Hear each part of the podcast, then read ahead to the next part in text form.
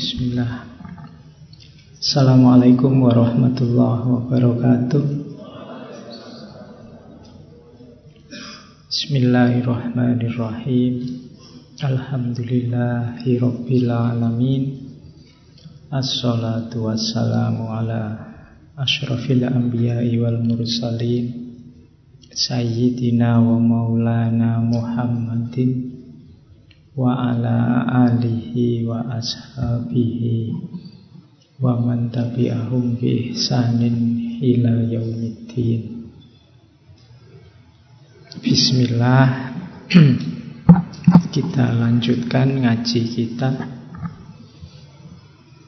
Semoga yang sudah pernah ngaji, sering ngaji Bisa mendawamkan bisa istiqomah di ngaji apa saja. Karena penyakitnya orang ngaji, orang belajar itu kalau rutin biasanya terus bosan, jenuh. Sering saya bilang musuh kita itu sering kali ya memang diri kita sendiri.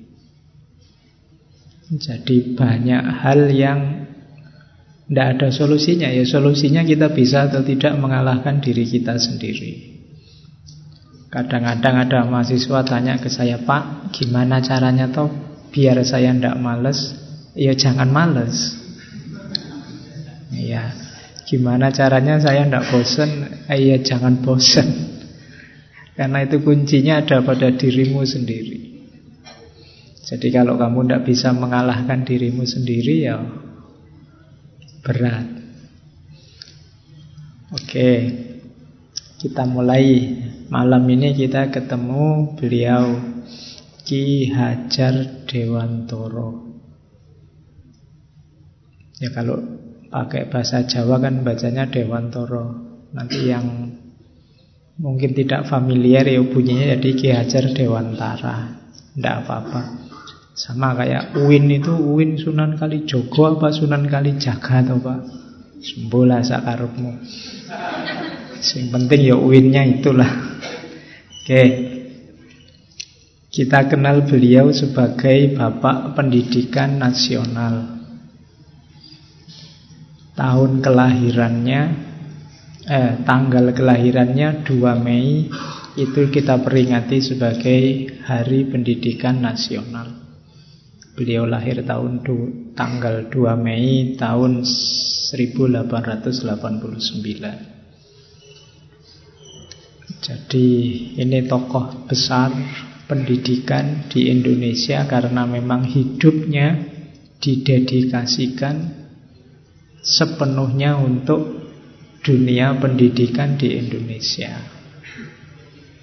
Jadi beliau ini ya pejuang, ya tokoh pendidikan, dulunya pernah jadi wartawan, kemudian pernah juga mengalami dihukum Belanda, diasingkan, dan lain sebagainya. Beliau keturunan Pakualam, cucunya Pakualam ketiga. Nama aslinya Raden Mas Suwardi Suryaningrat. Nanti beliau ganti menjadi Ki Hajar Dewantoro saat nanti mendirikan Taman Siswa sekitar tahun 1922. Beliau sekitar di usia 40 tahun. Kalau ditarik silsilah, beliau ini masih keturunannya Sunan Kalijogo dari jalur ibu. Beliau ini, ibunya beliau itu buyutnya pahlawan juga Nyageng Serang. Nyageng Serang ini kan keturunannya Sunan Kalijogo. Oke, beliau ya ceritanya banyak sih kalian baca sendiri ya. Nanti kalau tak diktekan biografinya kamu jadi males membaca. Kamu cari sendiri kenapa kok beliau sampai diasingkan oleh Belanda ke Pulau Bangka terus diasingkan sampai ke Belanda juga. Karena beliau bikin tulisan yang nyindir Belanda. Satu ketika Belanda itu mau bikin peringatan kemerdekaannya Belanda dari Perancis. Cuma di Indonesia biaya peringatan itu modele narik iuran dari rakyat pribumi. Makanya terus Ki Hajar nulis tulisan yang judulnya Seandainya Aku Orang Belanda. Isinya nyindir Belanda saat itu, India Belanda saat itu. Mungkin Belanda ini tersinggung terus beliau diasingkan sampai diasingkan ke Belanda juga. Setelah diasingkan sekitar tahun 1919 beliau balik lagi ke Indonesia mengajar di sekolah tempatnya kakaknya. Terus di era itu beliau punya kelompok kajian namanya Paguyuban Seloso Kliwon. Isinya para tokoh, para pejuang dari Budi Utomo, dari banyak aliran diskusi rutin. Namanya Paguyuban Seloso Kliwon. Ya.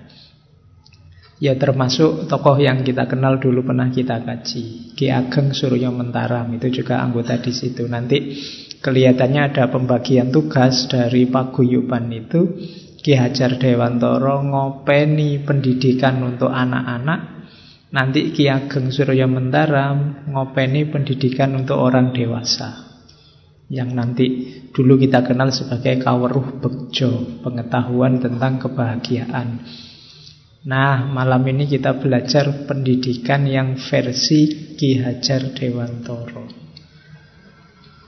Oke, ini nama yang terkenal sekali, populer sekali. Sejak kalian SD sudah melihat wajahnya. Apalagi yang Jogja. Tapi saya tidak tahu kalian tergerak tidak untuk menggali lebih jauh gagasan-gagasan beliau. Yang kalau kuliah, kalau jalan-jalan lewat jalan taman siswa, pernah gak kalian terbersit di pikiranmu? Jangan-jangan taman siswa ki ajaran-ajarannya itu apa tuh. Oke, kalau tidak pernah ya, ya memang mungkin kalian tidak bakat jadi ilmuwan. Rasa ingin tahunya rendah. Oke, Bismillah ya kita mulai menggali gagasan-gagasan beliau. Kalau mau buku-bukunya datang aja sana ke museumnya masih ada kelihatannya ada buku kumpulan tulisan-tulisan beliau Mungkin yang mahasiswa yang mau bikin skripsi, tesis boleh dicari buku-bukunya kebetulan ada yang merawat. Oke, bismillah kita mulai tentang pendidikan. Jadi Ki Hajar mendefinisikan pendidikan itu sebagai tuntunan. Jadi Tuntunan ya berarti pendidikan itu sebenarnya nuntun. Kan banyak orang menganggap pendidikan itu ngisi, tapi sebenarnya pendidikan itu menuntun.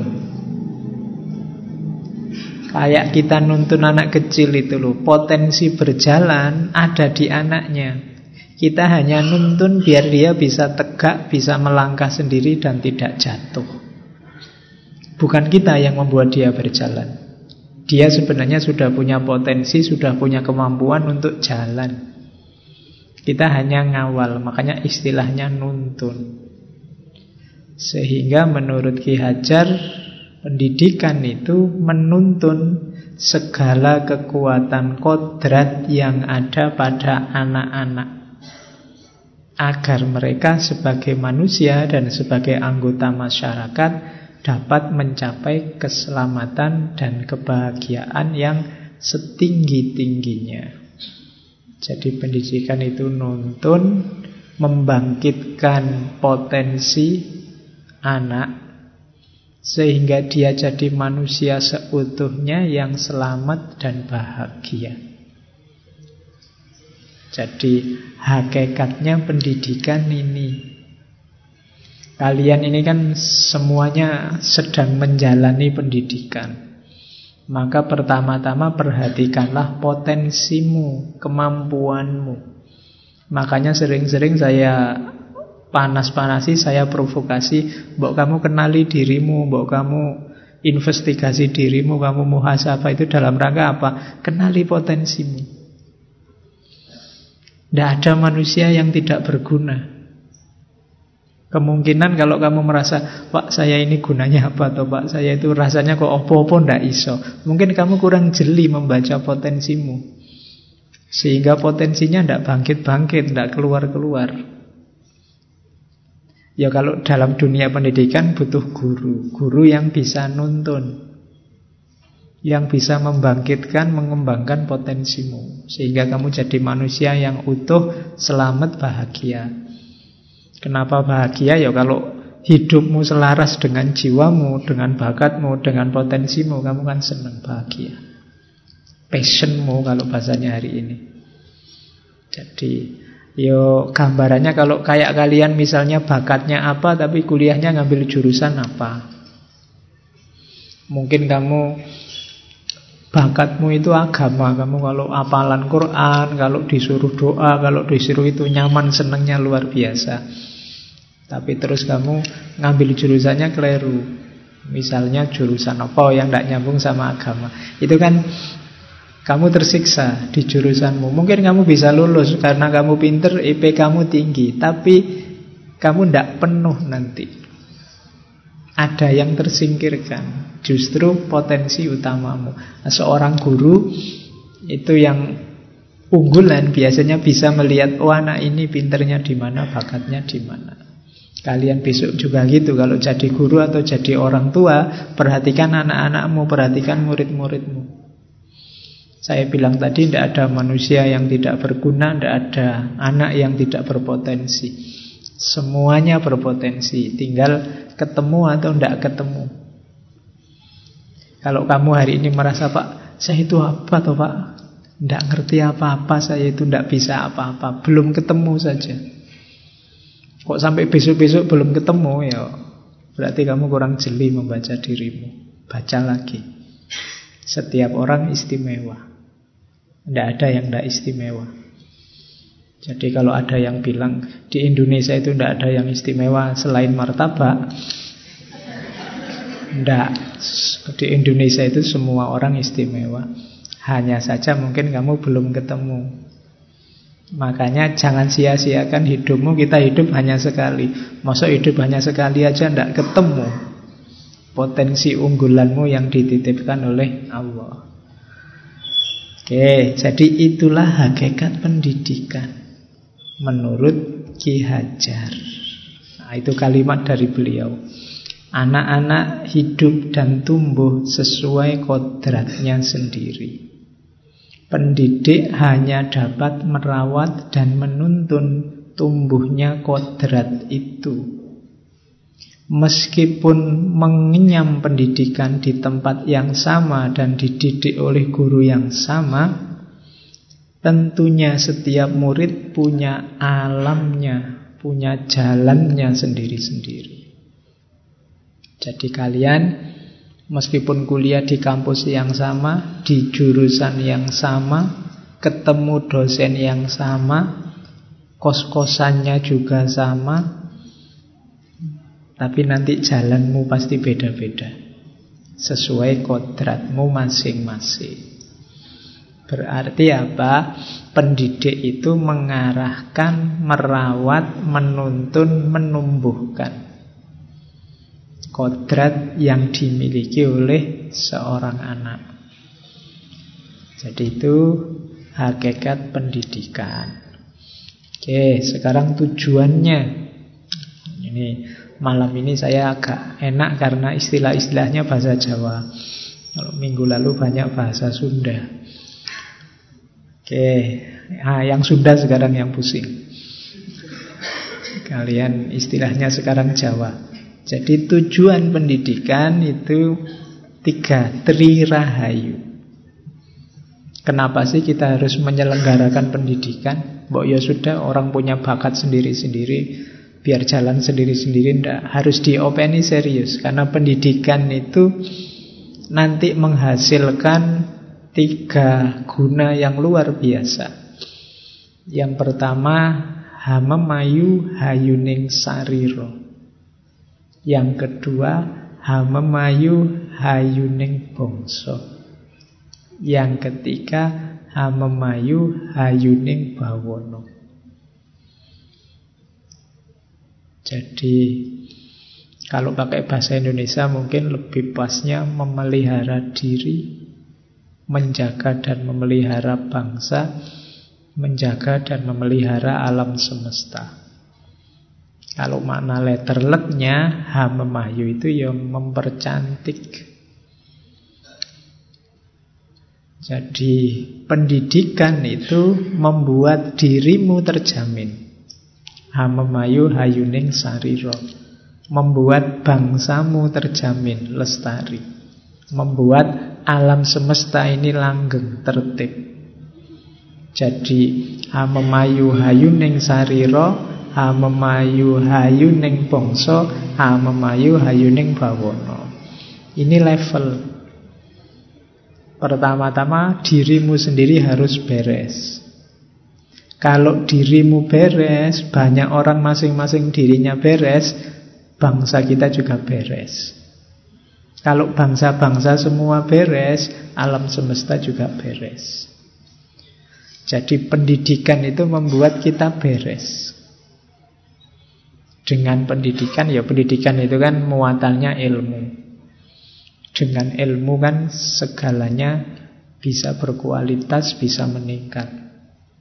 Maka kenapa harus ada pendidikan? Ya demi diri kita, demi bangsa kita, demi kehidupan kita di alam semesta ini. Jadi pendidikan adalah kuncinya peradaban. Kalau kita ingin maju ya pendidikan jalannya. Kalau kita ingin sukses ya pendidikan. Kalau kita ingin bahagia ya pendidikan. Kalau kita ingin hidup nyaman, ya pendidikan. Jadi, tidak boleh kita menyepelekan pendidikan. Karena kuncinya hidup ternyata adanya di pendidikan. Jadi, menurut Ki Hajar, pendidikan berguna untuk hamemayu hayuning sariro dirimu itu indah, maka lestarikan ke ande keindahannya.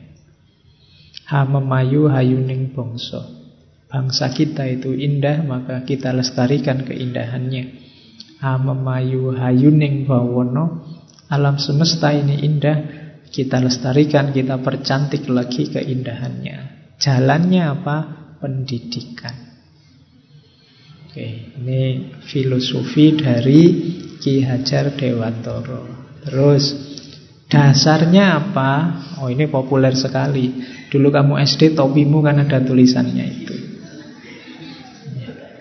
Ini dari Ki Hajar Dewantoro yang jadi semboyan dunia pendidikan di Indonesia. Jadi pendidikan itu dasarnya tiga, namanya triloka. Kita yang ada di dunia pendidikan, perhatikan ini khususnya para pendidik.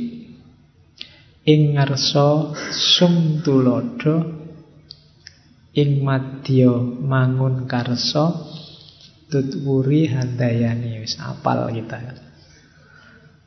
Jadi kalau kalian berposisi di depan harus memberi contoh. Public figure harus memberi contoh. Kalian punya anak buah harus memberi contoh. Jadi yang ada di depan harus memberi contoh. Berarti kalian harus jadi yang baik, jadi teladan. Ada kelebihan apa pun yang kalian miliki di antara temanmu, di antara lingkunganmu, berarti kalian sedang engarso. Tugasmu apa? Sung tulodo. Kalian dilihat orang, kalian diikuti orang, maka beri contoh yang baik. Jadi ini kamu ingat-ingat besok kalau kalian jadi apa pun, punya jabatan apa pun, berarti kalian sedang engarso, kalian sedang di depan. Berarti tugasmu apa? Sung tulodo. Berilah contoh yang baik. Ya kayak saya ini kan sedang di depan kalian lihat saya semua. Itu ya mau ndak mau saya harus sum tulodo Memberi contoh. Kalau boleh saya nggak pakai baju resmi gini Sarungan wae kawasan kelekaran mungkin santai ya. Ini ya ndak enak. Kenapa? Kalian nyontoh aku nanti. Jadi harus sum tulodo. Kamu di depan adikmu di rumah juga harus sum tulodo Karena kamu ada kelebihan di depan adikmu, kamu di depan dia. Oke. Nah, yang kedua, ing madya. Ing madya itu di tengah jalan, di tengah-tengah posisinya, sedang bareng-bareng. Yang dilakukan apa? Mangun karso, membangun kreativitas. Jadi kalau kalian ada di tengah, di tengah berarti berposisi sedang bersama Sejajar dengan yang lain. Kamu sama temenmu di kelas Itu kan sedang bersama, sedang bareng-bareng. Yang harus kamu lakukan apa? Mangun karso, kreatif lah Bikin inisiatif-inisiatif. Lahirkan hal-hal yang baru, yang produktif. Itu namanya Igmatio mangun karso Ketika kalian ikut ngaji ini sesama yang ikut ngaji kan ini bareng-bareng. Yo bikin inisiatif-inisiatif bersama. Kamu kok duduknya di situ dapat sendenan terus misalnya. Gimana caranya biar kita bisa giliran dapat sendenan misal. Nah, itu kreativitas-kreativitas di tengah-tengah. Kuncinya kemajuan itu kan ada di tengah-tengah. Ketika orang membangun kreativitas. Jadi, kalau kalian sedang di tengah medan perjuangan, kreatiflah. Kalian bersama-sama temanmu senasib seperjuangan kreatiflah. Yang terakhir ini yang dijadikan semboyan. Tutwuri handayani. Ini untuk para pendidik khususnya perhatikan tutwuri handayani ini. Tadi saya bilang pendidikan itu nuntun. Berarti apa? Mengikuti anak didik. Nuntun itu kan di belakang mesti. Paling tidak di samping tapi kan agak ke belakang. Nek nuntun di depan itu namanya nyeret. Ya, nuntun itu pasti di belakangnya Kayak adikmu yang baru bisa jalan Itu kan kamu nonton Kamu pegang tangannya dua Kamu ajak berdiri Dia jalan di depanmu bukan di belakangmu. Kalau di belakangmu nanti kamu nyeret adikmu. Nah itu namanya tutwuri. Mendidik itu momong Tutwuri. Yang dilakukan apa kalau kalian sedang di belakang? Handayani. Handayani itu memberdayakan Menguatkan mendukung. Jadi kalau kalian sedang ada di belakang, kuatkan dia, dukung dia, berdayakan dia, biarkan potensi-potensinya yang bagus keluar. Jadi jangan didikte, jangan dimarah-marahi, apalagi diisi dengan yang jelek-jelek. Biarkan dia mandiri, ikuti dari belakang, berdayakan dia, dukung dia. Nah, itu namanya tutwuri handayani. Jadi pendidikan ini kalau ingin sukses Yang di depan memberi contoh Yang di tengah kreatif, produktif Dan yang di belakang mendukung Kalau kalau dalam struktur pendidikan ya berarti yang di belakang itu bisa guru, bisa kampusnya, bisa pemerintahnya. Harus tutwuri handayani. Oke. Jadi itu tiga dasar kerja seorang pendidik, tiga semboyan pendidikan yang namanya triloka. Jadi kalian jeli membaca posisimu ada di mana kok kebetulan di depan, ya beri contoh yang baik. Kok ya jadi penuntun, jadi guru, jadi pengajar ya berdayakan handayani. Jadi pendukung yang di belakang yang menguatkan. Itu namanya Tutwuri Handayani. Yeah.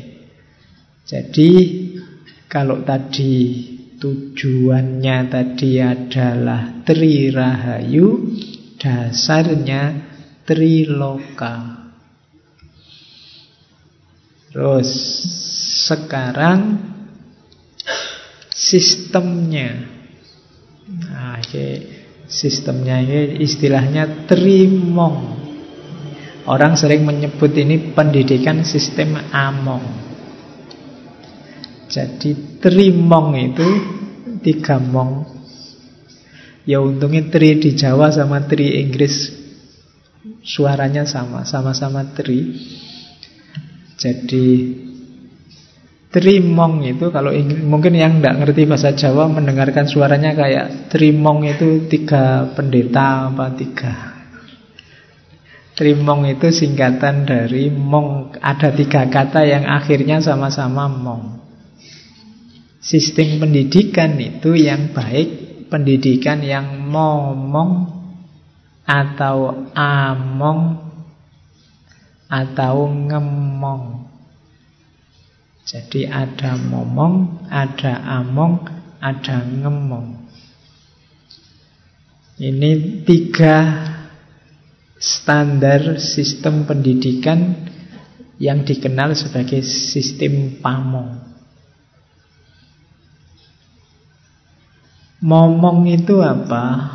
Momong itu ya kalau seperti teman-teman momong adik atau kalau punya anak momong anak. Momong itu apa? Merawat dengan penuh kasih sayang. Sambil menanamkan kebiasaan-kebiasaan yang baik. Ini namanya momong. Momong beda sama among. Ada istilah among tani Pak Tani kan sudah tua, tidak bisa ngomong kayak anak kecil. Beda. Kalau among itu memberi contoh biar ditiru tanpa harus memaksa. Itu namanya among. Beda sama ngemong. Jadilah pribadi yang ngemong. Akan kamu sering dengar istilah begitu. Ngemong itu gimana? Ngemong itu merawat, menjaga sehingga yang dijaga, yang dirawat bisa tumbuh, bisa berkembang dan optimal. Itu namanya ngemong. Ngemong itu butuh banyak kesabaran. Kadang-kadang kan kamu punya teman yang nakalnya luar biasa, tiap hari kamu harus sabar. Terus orang bilang, wah kamu ini punya jiwa ngemong. Ngemong itu kamu mengamati, merawat, menjaga biar dia tumbuh berkembang jangan sampai potensinya mati tapi juga jangan sesat ke mana-mana. Kamu mengawasi terus itu namanya ngemong. Beda sama momong. Kalau momong itu merawat plus menanamkan sesuatu yang baik-baik. Kamu harus begini kamu harus begitu itu momong beda juga sama among kalau among itu lebih pada memberi contoh Nah, kalau usia-usia seperti kalian itu wis gede, jadi ngomong mungkin sudah tidak pantas lagi. Kalian kan tidak butuh ditanami apa-apa, isi kepalamu sudah lengkap, tinggal mau jalan apa enggak. Juga mungkin among juga tidak terlalu efektif. Kalian kan yang kamu contohkan biasanya ya sudah banyak dari TV, dari internet. Di among mungkin agak tidak terlalu efektif. Paling ngemong. Cari dosen yang bisa ngemong. Cari guru yang bisa ngemong. Ngemong itu tidak terlalu intervensi. Hanya mengawasi, mengamati, merawat perkembanganmu biar optimal. Nah, pendidikan itu semacam ini katanya Ki Hajar. Ya kalau anak kecil-kecil masih 1 sampai 7 tahun ya masih dimomong. Nanti sudah besar sedikit, akalnya jalan, nalarnya jalan, sudah among. Semakin dewasa, tinggal diamati dari jauh, tinggal biarkan dia jalan asal tidak sesat, itu namanya ngemong. Nah, jadi kalian Silahkan nanti kalau ada yang jadi guru Perhatikan strategi ngajar ini. Kapan kamu ngomong Kapan kamu among Kapan kamu ngemong. Jadilah guru yang bisa ngomong Bisa among Bisa ngemong. Sistem ini nanti dikenal sebagai sistem pamong. Makanya perangkat desa itu kadang-kadang kan disebut pamong. Dia ini punya tugas tidak hanya menjalankan administrasi desa tapi juga ngemong rakyatnya, among rakyatnya dan momong rakyatnya. Pemimpin yang baik harusnya juga bisa ngomong, bisa among, bisa ngemong. Tergantung level rakyatnya. Keluarga yang baik, kepala keluarganya harus bisa ngomong, among, ngemong. Suami yang baik harus bisa ngomong, among, ngemong. Istri yang baik juga begitu. Pacar yang baik, tidak masuk hitungan ya nek pacar. Oke. Jadi ini sistem pendidikan, namanya sistem pamong. Terus Nah, sekarang aktivitasnya. Aktivitas pendidikan itu ada di tiga wilayah, namanya tripusat. Ini serba tri ya teorinya. Oke, makanya bangsa kita itu lebih canggih berpikirnya. Kalau barat itu ketika modern dikenal berpikirnya hitam putih.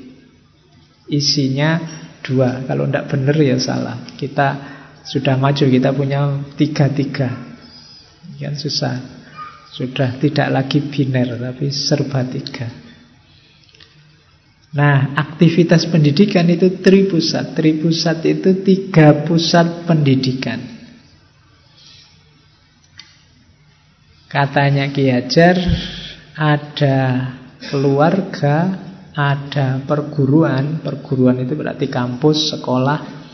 Kemudian ada pergerakan pemuda. Jadi ini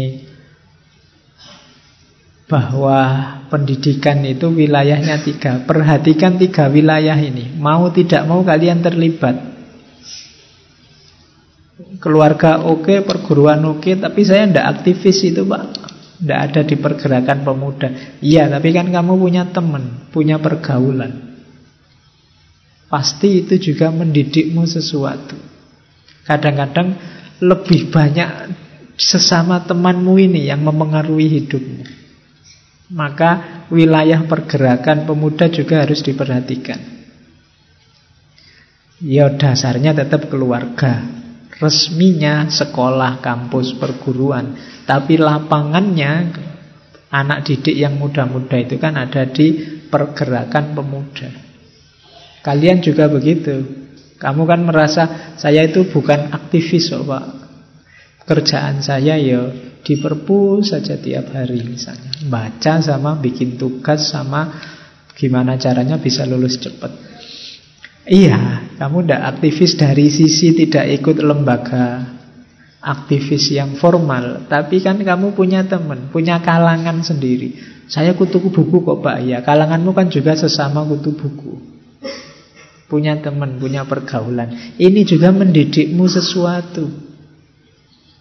Maka aktivitas pendidikan itu wilayahnya tiga, keluarga, perguruan, dan pergerakan pemuda.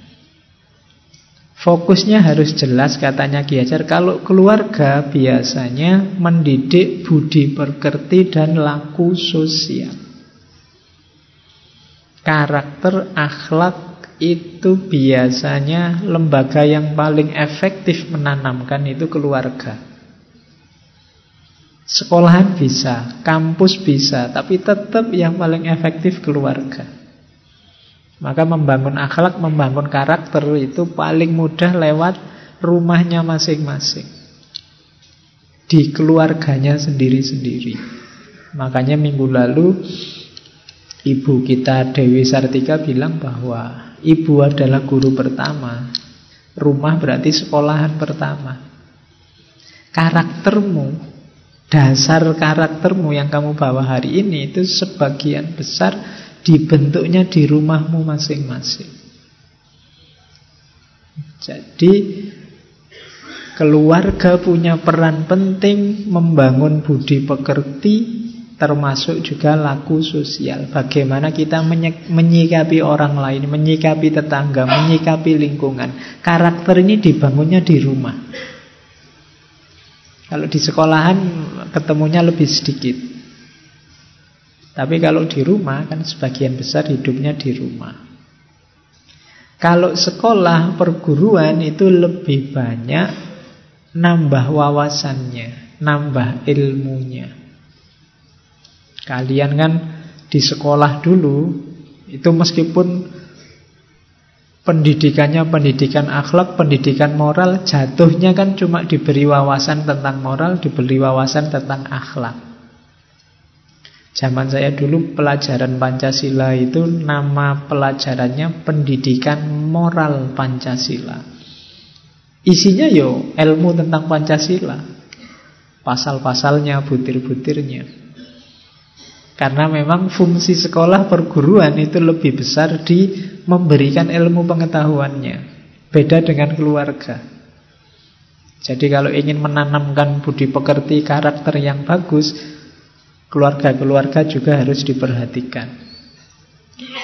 Dan yang ketiga, jangan lupa tadi pergerakan pemuda. Kalau pergerakan ini, kehidupan lingkunganmu, pergaulanmu, ini berguna untuk penguasaan diri. Latihan hidup konkret bertanggung jawab sendiri. Kalau di rumah kan kalian penanggung jawabnya ada orang tua. Tapi bersama teman-temanmu, kamu tanggung jawab sendiri terhadap hidupmu. Ini penting kemandirianmu dilatih di lingkunganmu bersama lingkaranmu, teman-temanmu. Makanya ada yang bilang kuncinya dirimu kan di teman-temanmu. Temanmu seperti apa, biasanya kamu terbentuk begitu. Jadi tiga kunci pendidikan ada di keluarga, baru kemudian sekolah, perguruan tinggi, dan yang ketiga pergaulan pergerakan pemuda. Pinter-pinter milih tiga pusat ini. Ya kalau keluarga mungkin kamu tidak bisa milih ya. Ya sudah lahir di situ, tapi kan bisa diubah, bisa diatur gimana caranya karaktermu terasah dalam kehidupan berkeluarga. Oke, jadi ada triloka, ada tri rahayu, ada tri pusat. Terus masih ada tri lagi. Ya. Nah, ranahnya pendidikan itu apa? Ini jenjangnya. Jadi pendidikan itu ada tri ngo. Tulisannya ngang. Jadi tringo Pendidikan itu punya ranah ngerti Pemahaman Kognisi Ada ngeroso Afeksi Ada ngelakoni Psikomotorik Kalau pakai psikologi pendidikan modern Jadi menurut Ki Hajar Yang harus digarap dalam pendidikan itu ya pemahamannya, ya karakter afeksinya, dan juga tindakannya. Ini tiga-tiganya harus utuh. Ngerti sama ngeroso saja ndak ada ngelakoni ya.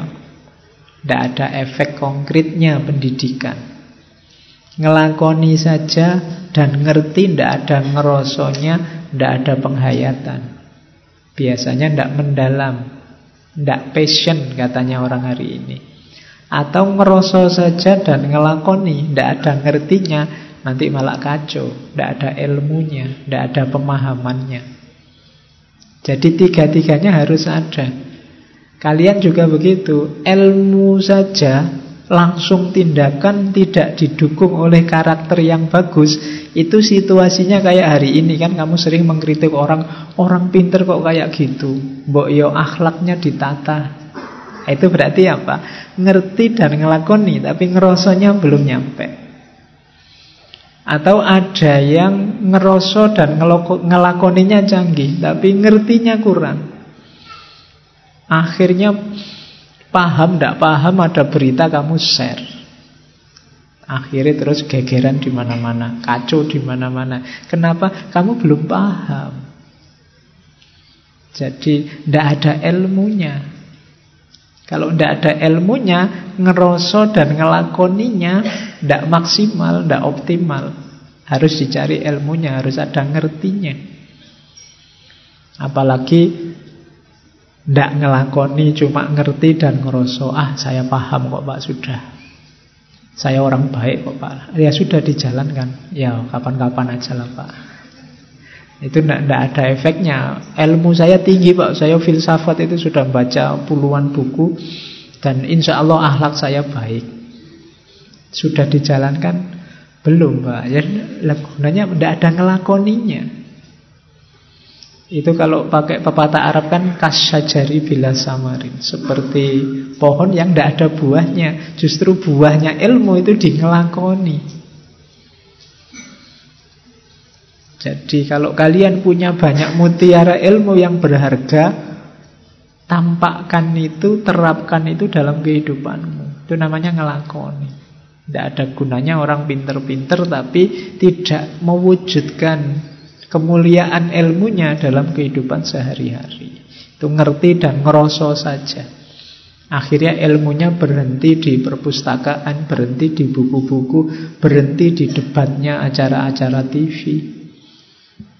Tidak ada efeknya.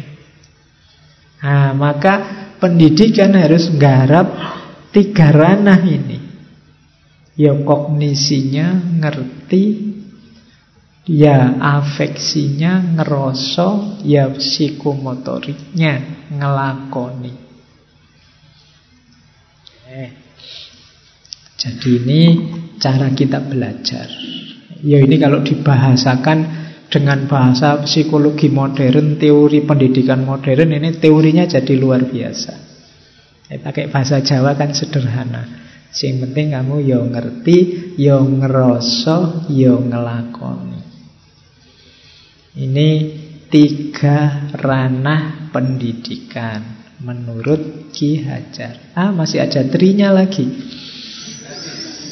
Ya. Oke, ini metode belajarnya. Namanya Trino. Ya, ini kaya anu ya Indonesian Idol itu kan. Kamu dapat tiga yes. Ah, ini Trino. Oke, trino bukan tiga nol loh ya. Jadi ada strategi belajar yang efektif. Namanya trino. Yang pertama, no yang pertama nonton. No yang kedua niteni. No yang ketiga niroke. Nonton itu melihat, belajar, mencermati. Niteni itu mengingat-ingat. Jadi dan niroke itu menirukan. Kalian ngaji hari ini itu levelnya masih nonton. Ya. Kalau nanti kamu tulis, kamu inget-inget sampai besok, namanya niteni. Kalau kamu jalankan dalam hidup sehari-hari itu niroke. Orang Jawa dikenal antara lain misalnya kalian dengar istilah ilmu titen. Ilmu titen itu niteni gejala alam. Oh kalau biasanya gini misalnya oh, Kalau hawanya agak sumuk gini Sebentar lagi pasti mau hujan Itu ilmu titen Niteni kamu cari di buku biologi, buku fisika mana pun tidak ada teori kalau agak sumuk itu sebentar lagi hujan. Loh, tapi niteni selama ini fenomenanya begitu, itu ilmu titen. Kadang-kadang ada yang menurutmu oh enggak masuk akal atau simbah ini. Kalau ini jangan ke sana ya, Nduk. Nanti kamu kenapa? Jangan. Itu ilmu titen. Mereka membaca gejala, gejala alam yang selama ini terjadi terus diingat-ingat. Jadi dieling-eling. Aku tidak akan begitu lagi. Kemarin begitu ternyata hasilnya jelek. Itu namanya mengingat-ingat. Dalam dunia ilmu ini penting. Niteni. Yoniteni terjadi setelah nonton, setelah melihat, setelah belajar, setelah membaca, baru terus niteni. Cuma nonton dan niteni jatuhnya nanti niroke. Yang ketiga niroke itu menirukan. Jadi menirukan itu sama dengan mengikuti. Oh kalau baik ya saya jalankan. Kalau jelek saya hindari. Itu level niroke. Ya ini sebenarnya teori mengajar anak-anak kecil Karena di taman siswa awal itu kan ada teori ini Nonton, niteni, niroke Tapi sampai kita dewasa teori ini sebenarnya berguna Jadi perhatikanlah, nontonlah, kamu disuruh membaca, disuruh mendengarkan, itu kan level nonton. Kemudian disuruh memperdalam, mencermati, menganalisis, itu level niteni.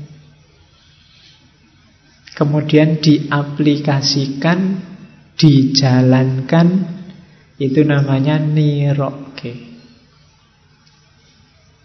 Jadi nonton itu level Pembacaan niteni level analisis, niroke level praksis.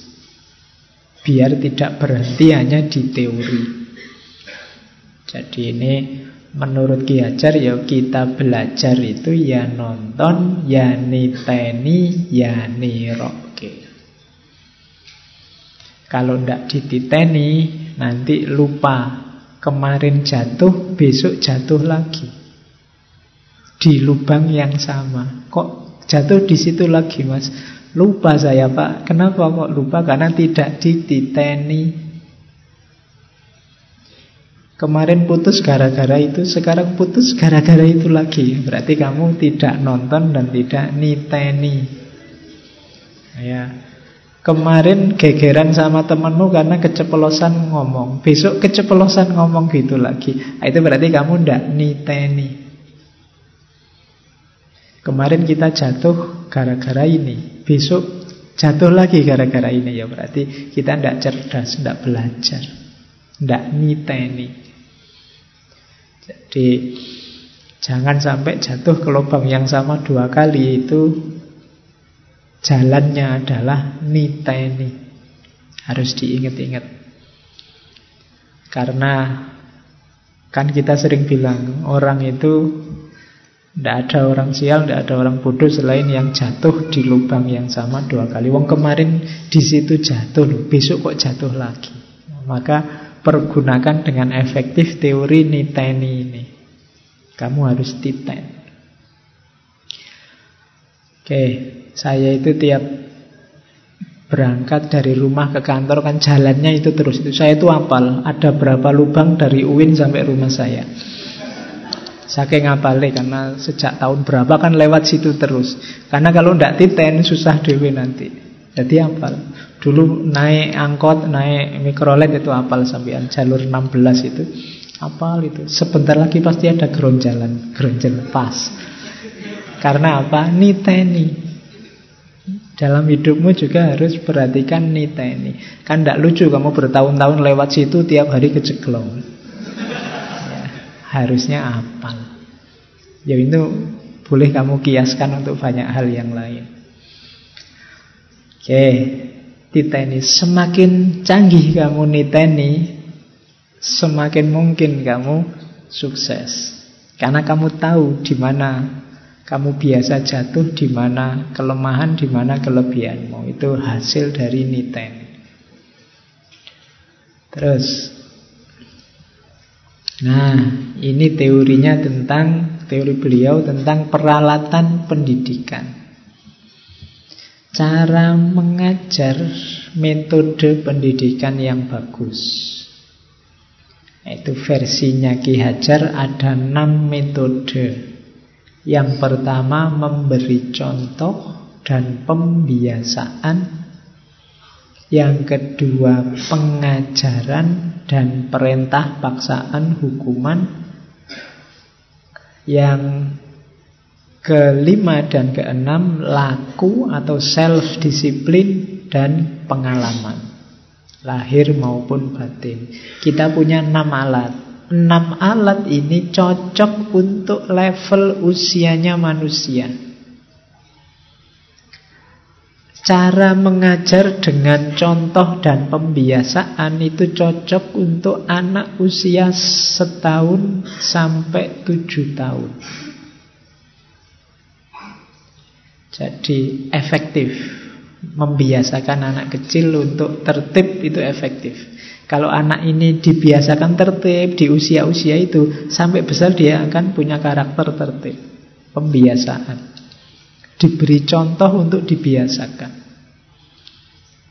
Jadi sehingga kalau bahasa psikologinya muncul namanya habit of mind. Makanya kanjeng Nabi itu menyuruh mengajak anak-anak sholat.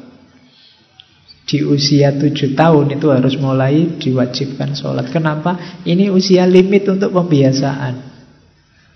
Sampai muncul di kepalanya habit of mind. Bahwa kalau tidak sholat terus jadinya tidak enak usia-usia ini. Tapi kalau kalau sudah besar agak susah di pembiasaan. Jadi dibiasakan sejak kalau kalian sejak kecil dibiasakan tertib antri yuk. Nah, itu kalau kamu ngantrinya tidak tertib itu rasamu tidak enak.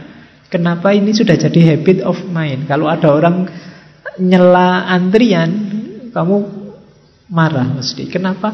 Tidak biasa. Biasanya tertib. Tapi kalau sejak kecil dibiasakan tidak tertib, ya kamu tidak tertib biasa aja. Ala pak biasa. Ini kan struggle for fight.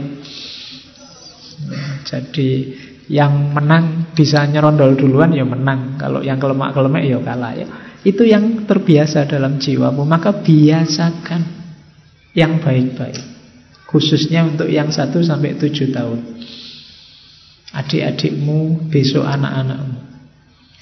Saya telat berarti Pak. Ya dilatih juga tidak apa-apa. Levelmu mungkin 1 sampai 7 tahun. Ya ya. Meskipun tidak efektif ya diulang-ulang ya siapa ngerti efektif. Tapi ini sebenarnya sangat efektif untuk anak usia 1 sampai 7 tahun. Memberi contoh dan membiasakan. Berarti ini sampai taman kanak-kanak. Makanya anak taman kanak-kanak itu belum waktunya diperintah-perintah, dipaksa-paksa, diancam-ancam. Akan berpengaruh dalam psikisnya. Mereka masih usia-usia diberi contoh dan dibiasakan. Kalau kamu ingin dia tertarik dengan ngaji, tertarik dengan sholat, contohkan dirimu yang senang ngaji dan senang sholat. Itu untuk anak usia 1 dan 7 tahun. Kalau kamu ingin adikmu senang baca buku, tampakkan padanya bahwa kamu suka baca buku. Kenapa adik-adikmu, anak-anak kita yang kecil-kecil sekarang tergila-gila dengan HP, game online? Karena kakak-kakaknya nyontoni begitu. Kok kamu heran, Pak sekarang itu, Pak anak kecil-kecil TK itu sudah ngerti pacaran. Lah yo masih nyontoni ngono terus. Mbak Yune nyontoni gitu terus. Jadi akhirnya apa? Ya dia melihat contoh yang seperti itu, dia terbentuk seperti itu. Pembiasaannya dia terbiasakan di situ. Jadi ini fase krusial sebenarnya usia 1 sampai 7 tahun ini. Fase penyemaian, penanaman. Kalau yang tertanam terbiasakan yang jelek-jelek. Semakin dewasa semakin susah untuk menanamkan yang baik-baik. Karena sebelum menanam yang baik harus motong yang jelek-jelek ini dulu. Nah nanti mulai 7 tahun ini SD sampai 14 tahun, ini berarti awal SMP, itu dia baru efektif untuk diperintah, disuruh, diajar, diwanti-wanti dengan hukuman. Sesekali harus dipaksa karena biasanya umur ini agak bandel, agak pemberontak. Makanya kemarin yang saya cerita ada kasus kelitih itu kan usia-usia SMP itu. Karena ini anak-anak ini biasanya jiwa dan pikirannya baru tumbuh, baru berkembang. Jadi untuk usia-usia 7 sampai 14 tahun ya pengajaran harus jelas yang boleh kamu lakukan apa, yang jangan kamu lakukan apa. Kadang-kadang harus agak dipaksa sedikit. Biasanya mereka masih suka seneng-seneng sendiri, nyari enak versi mereka sendiri. Jadi di sini gunanya pendidik untuk agak mepet mereka agar senang dengan yang baik-baik. Ini usia 7 sampai 14 tahun. Kalau sudah 14 ke atas pendidikan usia 14 sampai 21 21 berarti kalian kuliah ini masa terbentuknya karakter. Kesadaran budi pekerti, kesadaran sosial. Nah ini cara mendidik lebih efektif apa? Laku dan pengalaman. Jadi di mana dia terlibat dalam hidupnya biasanya itu sangat berpengaruh. Boleh mendidik dengan cara laku, pendidikan-pendidikan yang langsung menyentuh realitas. Makanya tadi pergaulan pemuda itu terus jadi penting Karena laku ini terus jadi salah satu metode Pengalaman juga jadi jalan untuk dapat wawasan pendidikan Maka di usia-usia ini Pengalaman hidupnya menentukan. Temanmu siapa, kamu hidup di mana. Pokoknya pengalamanmu menentukan. Usia 14 sampai 21. Saya tidak tahu kalian ini usia berapa ya. Kalau mahasiswa itu mungkin banyak yang sudah di atas 22. Oh, ya, berarti tidak masuk hitungan ini ngawis tua berarti. Kalau sudah tua kamu harus geser ke Ki Ageng Suryo Mentaram nanti. Wis tua, sudah mencari kebahagiaan, nggak boleh ambisius dan lain-lain. Ini masih menanamkan untuk anak-anak. Atau jangan-jangan kamu usiamu 21 tapi mentalmu masih 7 dan 14 tahun. Ngwayelan pol. Harus dipaksa-paksa kalau nggak diperintah, nggak diancam, nggak jalan.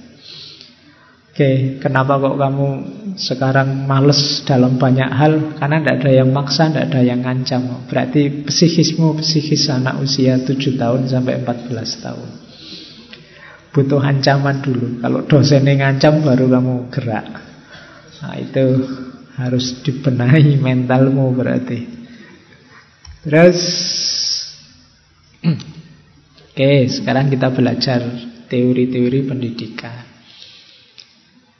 Ada konsep menurut Ki Hajar pendidikan menuju kesempurnaan hidup. Ini di antara filosofi-filosofi pendidikannya Ki Hajar.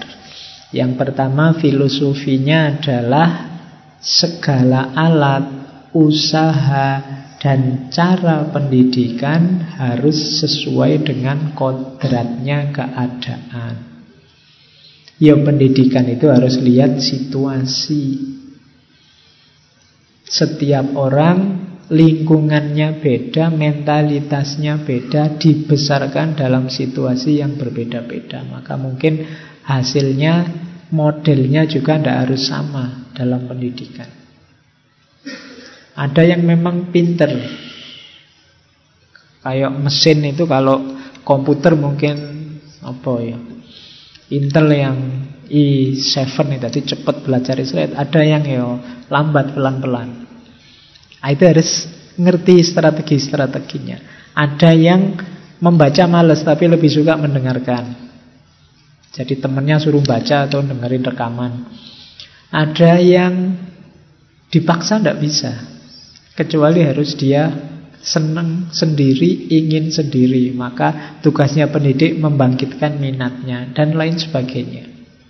Jadi ini harus fleksibel, jangan kaku.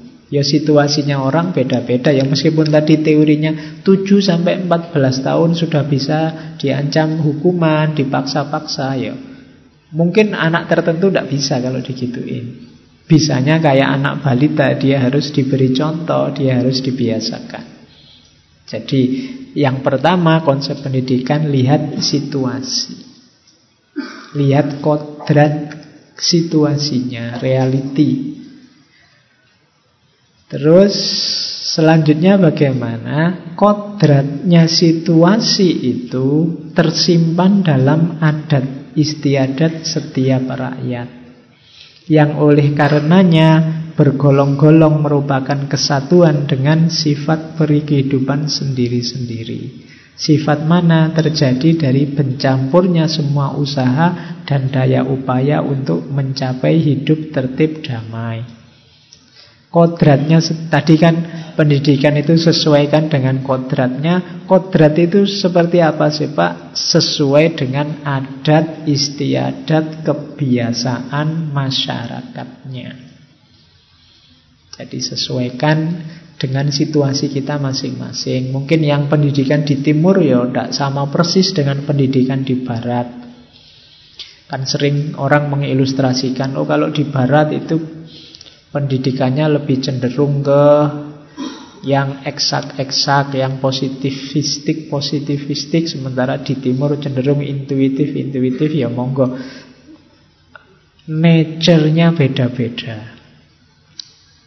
Harus menyesuaikan dengan adat istiadat, budaya nature-nya. Orang Indonesia itu cenderung suka dengan yang metafisik-metafisik. Sementara yang barat suka dengan yang fisik-fisik. Itu kan nature. Kalian dipaksa-paksa, kamu harus belajar biar menguasai sains dan teknologi dan seterusnya. Kamu tidak terlalu tertarik. Mungkin kamu terbiasakan dengan yang metafisik, maka kalau gurumu ngomong belajar ya, ya. Kalau kamu belajar nanti kamu bisa dapat ilmu laduni dibantu oleh jin-jin misalnya. Terus kamu tertarik dengan ini. Ini kan apa? Situasi reality yang beda. Kamu dipancing dengan sains tidak tertarik, dipancing dengan yang metafisik tertarik. Itu pintu-pintu alat-alat yang ya harus kita manfaatkan. Karena jiwa kita kan sesuai dengan lingkungan masyarakat kita. Terus adat istiadat sebagai perihidup, peri kehidupan tadi tidak luput dari pengaruh zaman dan tempat.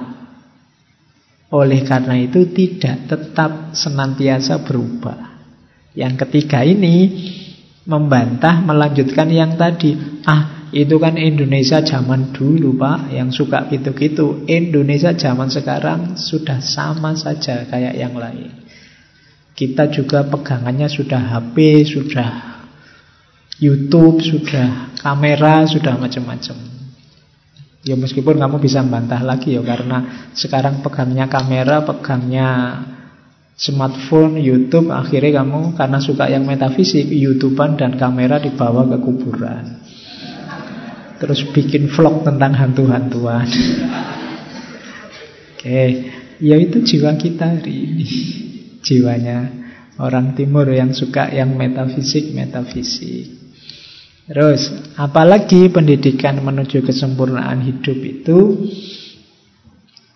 akan mengetahui garis hidup yang tetap dari suatu bangsa, perlulah kita mempelajari zaman yang telah lalu.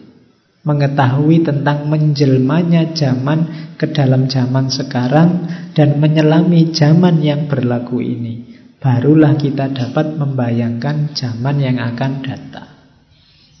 Nah, meskipun ada perubahan-perubahan, tapi kita akan punya karakter.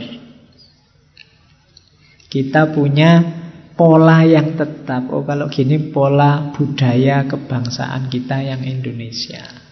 Nah untuk tahu pola yang tetap ini ya membacanya ke belakang hari ini dan kira-kira perkiraan di masa depan. Jadi membacanya harus utuh.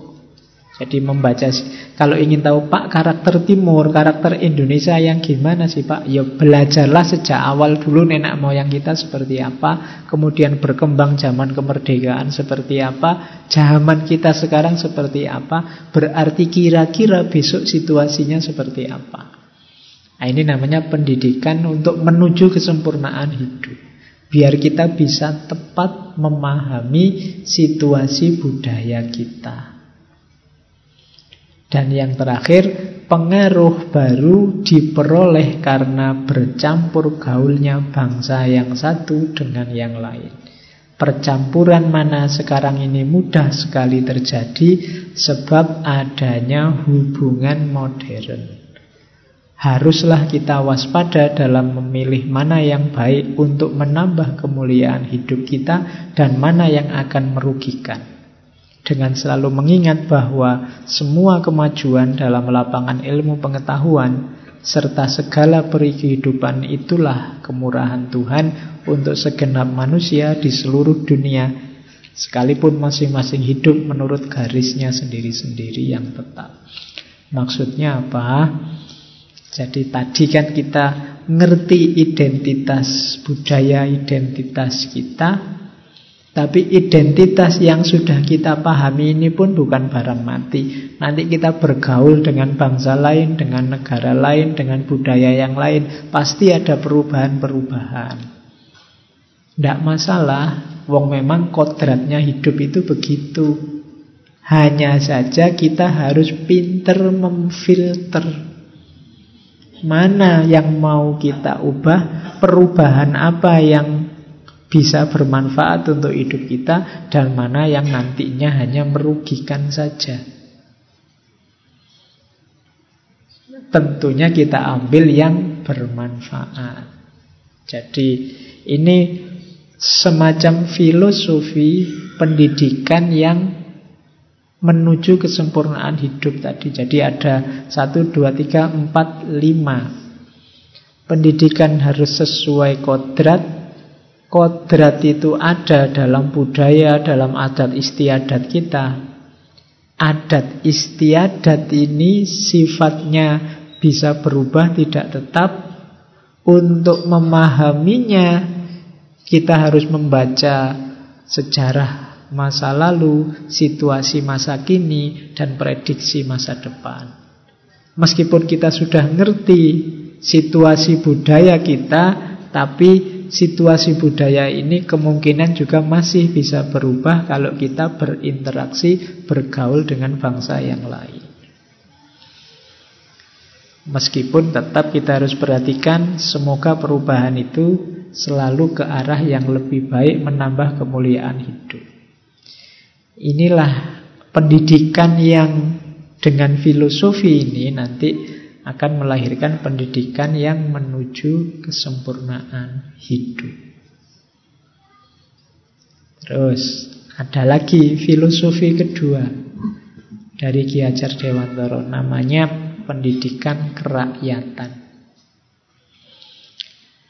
Ini teori ini lahir karena sebelumnya di era penjajahan Belanda itu kan banyak sekolah-sekolah yang eksklusif ini sekolah untuk orang Belanda saja, ini sekolah untuk orang Cina saja, ini baru sekolah untuk pribumi dengan kualitas yang berbeda. Maka Ki Hajar merumuskan, ayo bikin pendidikan kerakyatan.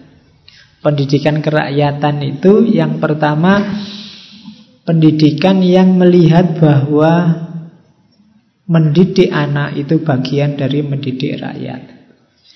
Pendidikan kerakyatan berarti mendidik rakyat iya. Cuma mendidik rakyat itu berarti apa? Mendidik anak-anak. Karena anak-anak ini generasi penerus. Nah, kalian juga sebenarnya hitungannya ya masih anak-anak. Meskipun posturnya sudah bapak-bapak. Kamu agak boros umurnya. Oke, terus kenapa begitu? Kenapa harus ada pendidikan untuk rakyat? Karena rakyat yang kuat akan melakukan segala upaya untuk membuat negeri ini makmur. Jadi rakyat harus terdidik, kalau mereka terdidik mereka akan kuat, kalau mereka kuat negara juga kuat. Semakin banyak rakyat tidak terdidik berarti mafhum kebalikannya semakin lemah satu negara. Jadi makanya pendidikan itu penting. Terus pendidikan kerakyatan itu pendidikan harus membuat anak mencintai bangsanya. Saya tidak tahu banyak yang mungkin tidak terlalu mencintai bangsanya. Banyak yang minder jadi orang Indonesia. Kalau kalian lihat postingan-postingan kan kamu banyak sering nyindiri dirimu sendiri. Dasar orang Indonesia. Loh emangnya kamu orang mana? ya kan? Dasar warga plus 62 kan gitu. Loh kamu orang mana? Kamu kan juga berarti kelompok itu. Kita sama-sama orang Indonesia. Terus kamu tidak bangga sama bangsamu. Kalau dijajar sama negara lain itu maunya kamu membanggakan negara lain terus. Tidak pernah membanggakan dirimu sendiri. Kalau ada prestasi dari negaramu terus kamu bilang, Allah kebetulan itu. Kemarin menang juga tidak jelas, kita harapkan menang malah kalah. Ya. Jadi kamu tidak bangga dengan negaramu sendiri. Jadi pendidikan yang bagus untuk rakyat itu yang melahirkan generasi yang mencintai bangsanya. Ya memang banyak kelemahan dalam kehidupan berbangsa kita, tapi itu bukan alasan untuk kita tidak mencintai bangsa kita.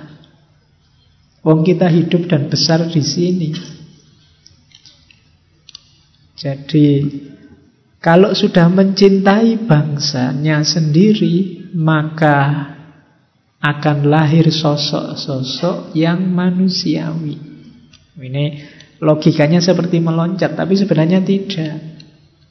Karena orang yang mencintai bangsanya itu berarti orang yang faham tentang kemanusiaannya. Bahwa aku ini manusia yang lahir, besar dan hidup di sini. Sebagaimana orang lain yang lahir, besar dan hidup di negara mereka masing-masing. Jadi ada kesadaran kemanusiaan kita sama-sama manusia yang terikat oleh tempat kita lahir dan besar. Oke, terus Nah, menurut Ki Ajar diingat-ingat dasar pendidikan rakyat itu yang pertama pengajaran harus bersemangat keluhuran budi manusia. Yang kedua, pengajaran harus mendidik ke arah kecerdasan budi pekerti. Yang ketiga, pengajaran harus mendidik ke arah keluarga. Jadi tiga-tiganya dasarnya adalah karakter kebangsaan. Terus bagian kedua, teori pendidikan kerakyatan. Jangan sampai sekolah menjauhkan anak-anak dari keluarga dan rakyatnya. Ini sering terjadi anak-anak yang berkualitas, anak-anak yang pinter itu membanggakan memang, tapi kemudian mereka berjarak dengan kehidupan rakyat. Kadang-kadang banyak orang pinter yang kehadirannya malah bikin sumpek rakyatnya. Di sekolah ke dur-dur marah bingung tiap hari. Nah itu apa? Sekolah membuat seseorang berjarak dengan kenyataan hidup sehari-hari. Kamu pinter filsafat begitu pulang kampung, ya jangan minteri masyarakatmu, membingungkan masyarakatmu dengan filsafatmu. Mencerahkan ayo. Kamu harus bisa mengemas gagasan-gagasan yang menurutmu penting di level yang bisa mereka pahami. Kalau tidak, yo nanti dulu ngomong filsafatnya. Jangan sampai tiba-tiba kamu khutbah Jumat dengan tema eksistensialisme menurut Heidegger. Oh, yang masyarakatmu. Justru kalian yang harus mengemas itu dengan mudah jadi mereka dapat idenya tanpa harus bingung dengan kemasannya. Tugasmu jangan sampai sekolah membuat anak-anak terasing dari situasi konkretnya, dari keluarga dan rakyatnya. Oke, terus pendidikan harus membangun budi pekerti dan budi sosial. Yang ketiga, rutinitas sekolah yang penuh dengan tuntutan dan capaian akademik sering kali membuat anak-anak terpisah dari realitas kesehariannya. Ia tak akrab dengan lingkungan keseharian dan tidak peka dengan kegelisahan-kegelisahan yang ada di masyarakat. Yang ada di pikiranmu tiap hari hanya gimana IPK tinggi, gimana bisa lulus cepat, gimana segera dapat gelar. Kamu tidak peduli kebingungan-kebingungan, kegelisahan-kegelisahan masyarakatmu. Begitu lulus kamu ya tetap tidak mikir mereka Yang kamu pikir gimana caranya dapat pekerjaan Nanti begitu dapat pekerjaan Masih belum kamu mikir negaramu Yang kamu pikir gimana caranya dapat istri cantik Sudah dapat, sudah punya Terus kamu mikir gimana caranya Makmur, mapan, punya rumah, punya mobil sudah dapat, sudah punya gimana caranya menyekolahkan anak ke luar negeri, membesarkan anak biar lulus sukses kayak bapak eh. Lu kapan kamu mikir negaramu? Kapan kamu berkontribusi untuk masyarakatmu? Kapan kamu berpikir manfaat ilmumu, manfaat kemampuanmu untuk lingkungan sekelilingmu? Apa ndak boleh Pak merancang kehidupan pribadi? Boleh. Tapi kan bisa Sambil mengembangkan diri juga mengabdikan diri. Bahkan sejak sekarang, tidak usah nunggu besok. Kamu sudah punya banyak hal yang bisa kamu sumbangkan sesuai kapasitasmu masing-masing untuk pendidikan, untuk kebangsaan. Oke, jadi Pendidikan kerakyatan itu itu termasuk pendidikan harus sesuai dengan hidup dan penghidupan rakyat. Tidak boleh mencerabut anak dari budayanya, dari realitas kesehariannya. Karena kita orang Indonesia, bangsa Indonesia, ya pendidikan harus membangun dasar komitmen terhadap budayanya. Budaya Indonesia, budaya kebangsaan Indonesia. Nah ini konsep dari Ki Hajar Terus ini setelah ini kita ngomong teori Tentang bedanya pendidikan barat dengan pendidikan nasional. Ini di beberapa tulisan beliau mengkritisi pendidikan barat. Meskipun nanti lembaga taman siswa itu banyak diinspirasi antara lain oleh beberapa institusi. Ada ada tokoh yang dianggap menginspirasi Ki Hajar misalnya Mari Montessori yang dari Itali, kemudian Rabindranath Tagore dari India, termasuk juga seorang filosof pendidikan dari Jerman namanya Froebel. Nah, tapi Ki Hajar ini kan kritis. Jadi mengambil Mari Montessori juga tidak dijiplak 100%. Mengambil Frubel juga tidak dijiplak 100%. Meniru Santiniketannya Rabindranath Tagore juga tidak dijiplak 100%. Beliau ingin mengembangkan yang versi Indonesianya. Nah, apa kritik beliau terhadap pendidikan barat? Bagaimana pendidikan secara barat itu akan dasar-dasarnya saja di situ sudah terdapat hal-hal yang ganjil. Adapun dasarnya pendidikan barat itu yakni regelring, tuh dan order. Perintah, hukuman dan ketertiban. Kalau dosenmu cara ngajarnya perintah, hukuman dan ketertiban, berarti dosenmu kayak barat. Tugasnya ini ya, kalau yang tidak ngumpul nanti sanksinya nilaimu jatuh. Nah, absen harus 75%. perintah, hukuman, dan ketertiban. Terutama dalam prakteknya. Maka didikan yang demikian itu lalu berlaku sebagai perkosaan atas kehidupan batin anak-anak. Apa yang jadi buahnya anak-anak yang rusak budi pekertinya disebabkan selalu hidup di bawah paksaan dan hukuman yang biasanya tiada setimpal dengan kesalahannya. Kalau menjadi orang tua, ia tiada akan dapat bekerja kalau tidak dipaksa, kalau tidak ada perintah. Kalau kita meniru saja cara yang semacam itu, tiadalah kita akan bisa membentuk orang yang punya kepribadian.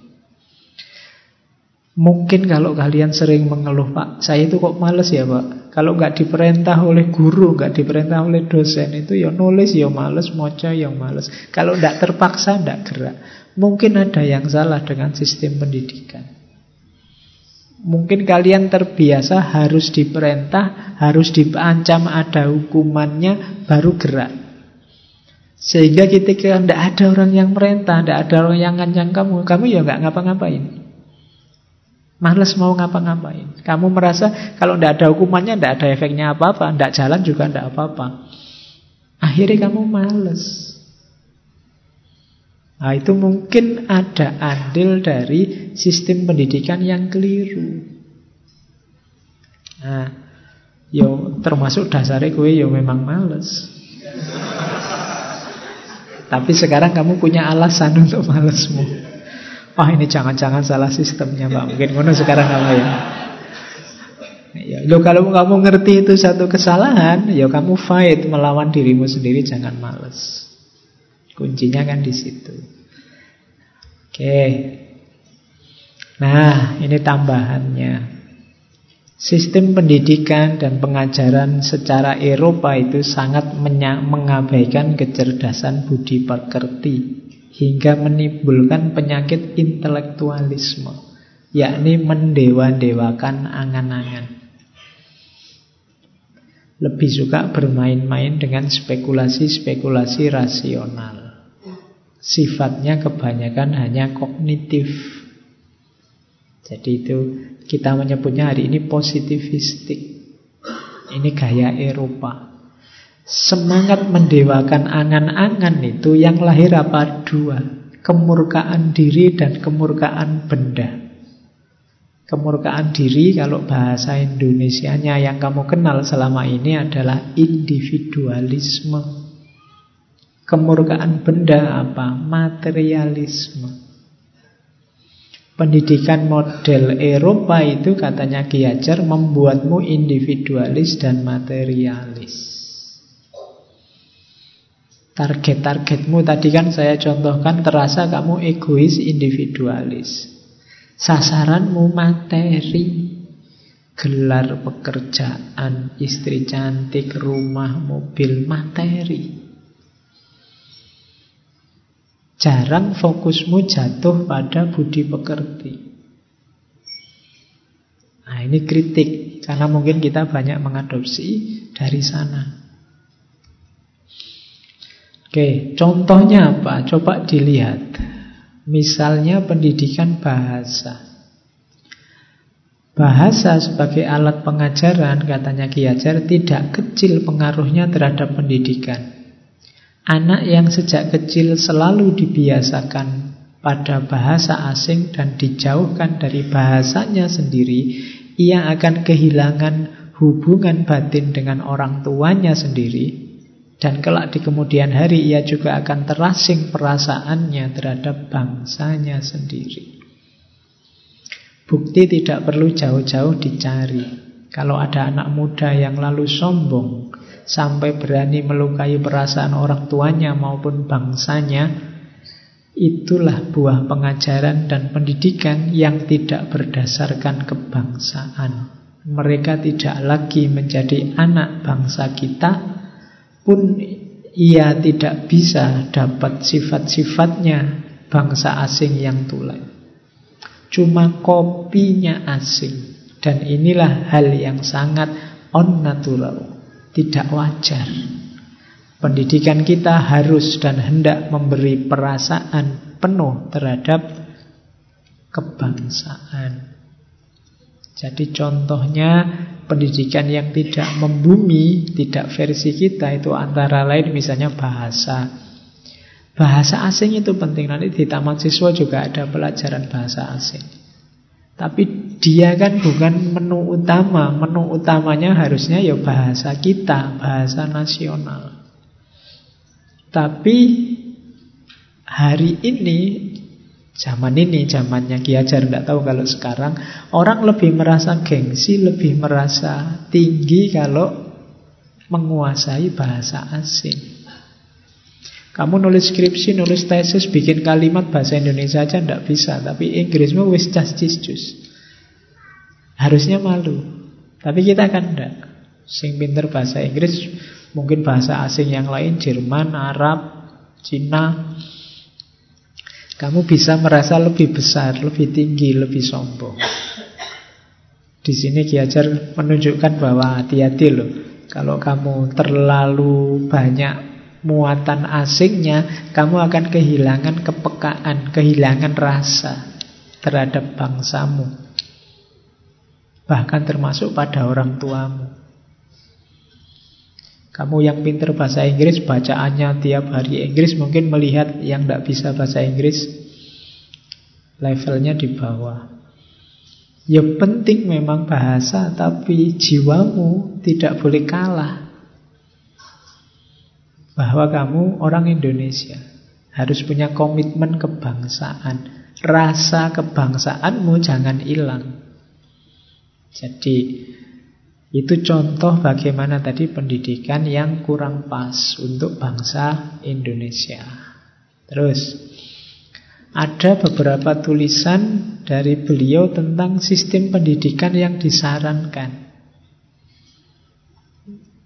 Beliau menyarankan antara lain sistem asrama. Kita kenalnya sistem pondok kalau hari ini.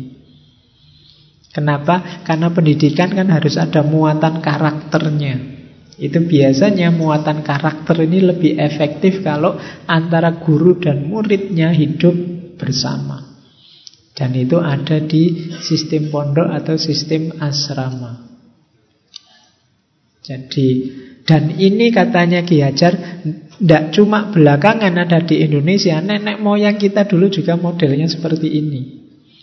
Mulai zaman dulu hingga sekarang kita punya rumah pengajaran yang juga jadi rumah pendidikan. Yaitu kalau sekarang pondok pesantren. Kalau zaman kabudan dulu, zaman Buddha dinamakan pawiyatan atau asrama. Adapun sifatnya pesantren atau pondok dan asrama yaitu rumahnya kiai guru atau ki hajar yang dipakai untuk pondokan santri-santri dan buat rumah pelajaran juga. Di situ guru dan murid setiap hari siang malam berkumpul jadi satu. Maka pengajaran dengan sendirinya selalu berhubungan dengan pendidikan. Jadi kalau menurut Ki Ajar, pengajaran dan pendidikan itu beda. Kalau pengajaran itu hanya nambah isi wawasan kalau pendidikan itu menanamkan karakter juga. Ha, bisa mungkin kalau guru sama murid ini bareng terus. Dan itu mungkin di asrama. Dan ini sejak zaman dulu sudah ada dalam tradisi nenek moyang kita. Oh ini sistem pendidikan model asrama zaman dulu, level-levelnya. Saya tidak tahu kalian ngerti apa ndak level ini pernah dengar apa ndak. Tapi ini zaman dulu begini ada level taman kanak-kanak, taman kanak-kanak namanya indung-indung orangnya yang belajar di TK. Naik sedikit lagi namanya taman muda. Taman muda itu kalau laki-laki namanya ulu guntung, kalau perempuan namanya ubon-ubon. Kalian ini masuk ini sebenarnya. Yang mahasiswa itu masih ulu guntung sama ubon-ubon. Kalau sudah dewasa namanya cekel. Kalau laki-laki, kalau perempuan dunyik. Nanti ada taman guru. Ini yang belajar jadi guru. Kalau laki-laki namanya cantrik, kalau perempuan namanya mentrik. Cantrik ini nanti di resepsi dalam bahasa hari ini kita kenalnya jadi santri. Kalau kalian sudah nyantri lama, sudah mulai membantu ustadz. Sekali-sekali ngajar. Nah, itu kalau laki-laki namanya manguyu, kalau perempuan namanya sontrang. Kalau sudah ngasih steni guru lama, kamu bisa jadi guru sendiri. Kalau laki-laki namanya jejanggan. Kalau perempuan namanya bidang. Kalau guru sudah senior, sudah mantap ilmumu, maka kamu naik level jadi ki hajar.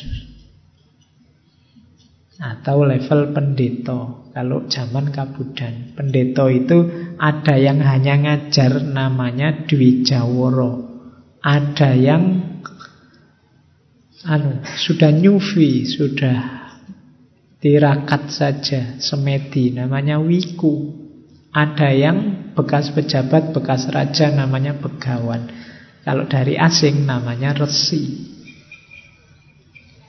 Oh itu sekedar tahu saja bahwa dulu ada itu. Sekarang kan kamu ngertinya ya pokoknya TK, SD, SMP, SMA, kemudian gelar SH, SAG, ST, dan lain sebagainya. Berarti apa katanya Ki Hajar? Sejak zaman dulu kita punya sistem pengajaran. Tidak kalah kok sama Barat, sama Eropa. Dan sistem pengajaran itu ternyata kita lebih komplit. Ada pengajaran agama, pengajaran ilmiah, dan juga pengajaran kebatinan, pengajaran sosial. Bahkan sangat tertib, ada urutannya. Dari rendah sampai tinggi dalam satu pawiyatan, dalam satu perguruan. Tadi kan ada urutannya dari awal sampai akhir. Dan dalam pawiyatan itu, guru dan muridnya hidup bareng-bareng untuk belajar.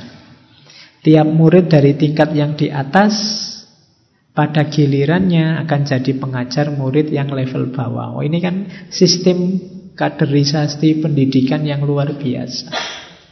Dan jangan lupa ternyata baik laki-laki maupun perempuan bisa belajar di sana. Buktinya ada istilah untuk laki-laki, ada istilah untuk perempuan.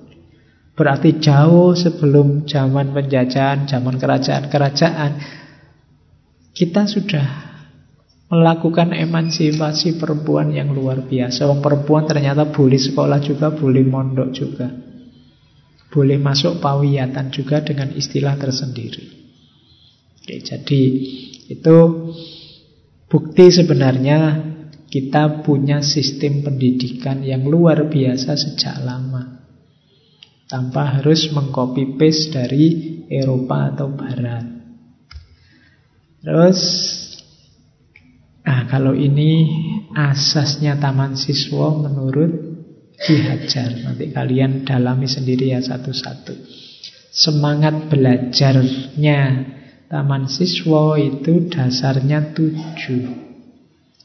Yang pertama jadilah pembelajar yang bisa mengatur dirinya sendiri.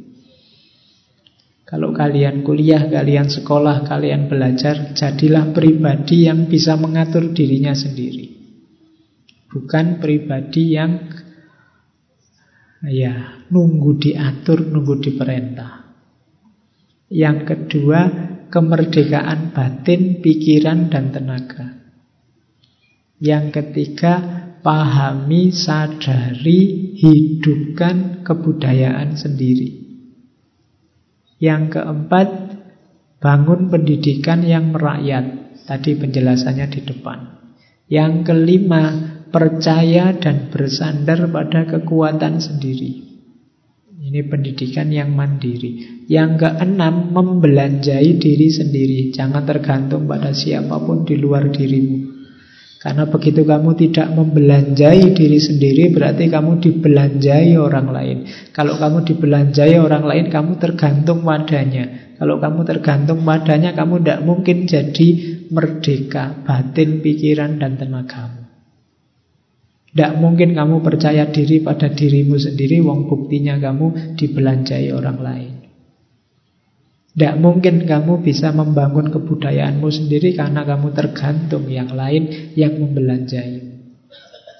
Dan yang ketujuh, ketulusan, keikhlasan, kesucian hati untuk mendidik, untuk dekat dengan anak. Ini tujuh asas pendidikan yang dikembangkan oleh Ki Hajar dengan taman siswonya. Nah, ini ada namanya fatwa sendi hidup merdeka. Isinya banyak dipakai orang untuk quotes-quote dari beliau Ki Hajar. Yang pertama, lawan sastro ngesti mulyo. Dengan pengetahuan kita menuju kemuliaan. Jadi mulianya hidupmu itu karena pengetahuan, karena ilmu. Berarti apa? Hidupkan ilmu, hidupkan pengetahuan, kita akan jaya, kita akan mulia. Yang kedua, sastro herjendro yuningrat pangruwating diyu. Ada yang meringkas sastro jendro hayuningrat. Maknanya apa? Ilmu yang luhur akan menyelamatkan dunia serta melenyapkan kebiadaban. Kemudian suci totong ngesti tunggal. Dengan kesucian batin tertib lahirnya menuju kesempurnaan. Kemudian hak diri untuk menuntut keselamatan dan kebahagiaan. Jadi selamat dan bahagia itu hakmu. Tapi salam bahagia diri tak boleh menyalahi damainya masyarakat. Kejarlah hakmu tapi perhatikan jangan sampai nabrak juga haknya orang lain, masyarakat sekelilingmu untuk juga selamat dan bahagia. Berarti harus ada sistem struktur kondisi yang saling menghargai, saling menghormati, tidak saling tabrak meskipun itu hakmu. Selanjutnya kodrat alam penunjuk untuk hidup sempurna. Tadi pendidikan yang mengejar kesempurnaan hidup kuncinya ada di kodrat alam, situasi aslimu, kebudayaanmu. Kemudian alam hidup manusia adalah alam hidup berbulatan. Kita dan manusia yang lain itu saling bersentuhan, saling mempengaruhi. Jangan dikira kalau kamu jelek biar saja saya jelek Pak kan saya tidak mengganggu orang lain tidak merusak orang lain dengan kamu jelek saja lingkungan sekelilingmu akan tercemar maka hati-hati karena alam hidup manusia adalah alam hidup yang berbulatan dengan bebas dari segala ikatan dan suci hati berhambalah kita kepada sang anak mengajar harus tulus Mendidik harus tulus. Terus waktunya mepet. Tetap mantep antep. Ini kalau kamu ingin hidup merdeka harus tetap tetap itu ya stabil. Mantep. Jadi mantep itu kemantapan hati. Antep. Antep itu nilai diri yang berat, berkualitas lahir dan batin. Jadi diawali dari tetap, kemudian kita akan mantep. Kalau sudah tetap dan mantep, kita akan antep. Ketetapan hati, kemantapan, dan kualitas.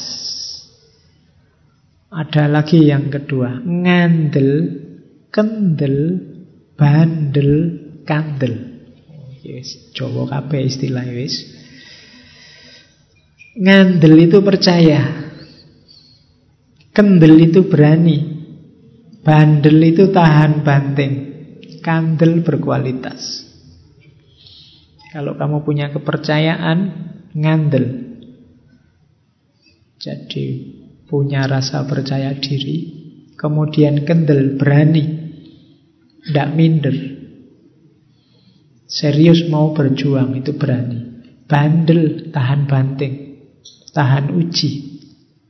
Maka akhirnya kamu akan kandel. Kandel itu tebal. Berarti kamu jadi orang yang tangguh. Orang yang kuat.